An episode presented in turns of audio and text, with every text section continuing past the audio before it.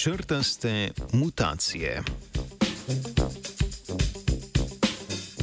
Največji pripadniki mačk, tigri, se zaradi vzorca svojega kožuha preprosto skrijejo v okolju. To vrstna kamuflaža pa je otežena, če pride do spremembe vzorca. V današnji raziskavi bomo slišali o pseudomelanizmu, drugačnem tipu pigmentacije, ki se fenotipsko izrazi kot širše in pogostejše črne proge na tigrovem kožuhu. Pri tigrih je to sicer redek pojav, relativno pogosto pa so ga opazili v še prosto živeči populaciji tigrov v rezervatu Similpal v Indiji.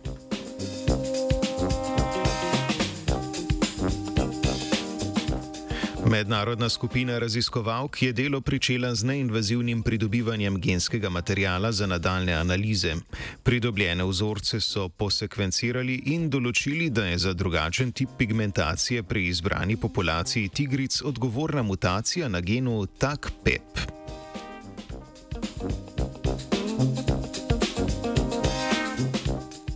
Znanstvena skupina je na to nadaljevala z določenjem porazdelitve izbranega fenotipa v populaciji, drugačne pigmentacije kožuha. Širši in obsežnejši črtasti vzorec pri tigrih je v rezervatu pogostejši, kot bi pričakovali, sploh kar se deduje kot recesivna lastnost.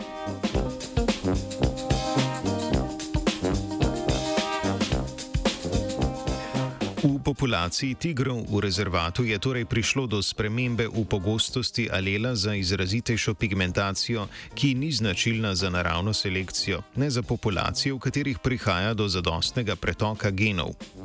Omenjeno neznačilno porazdelitev sicer na podlagi izvedenih simulacij pripisujejo začasnim upadom populacij, ko se je izgubil velik del genetske variabilnosti.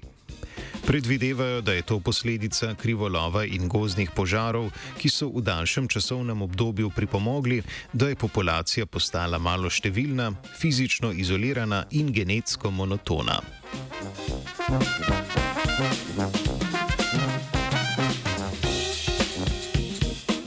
Prispevek je napisala Klara.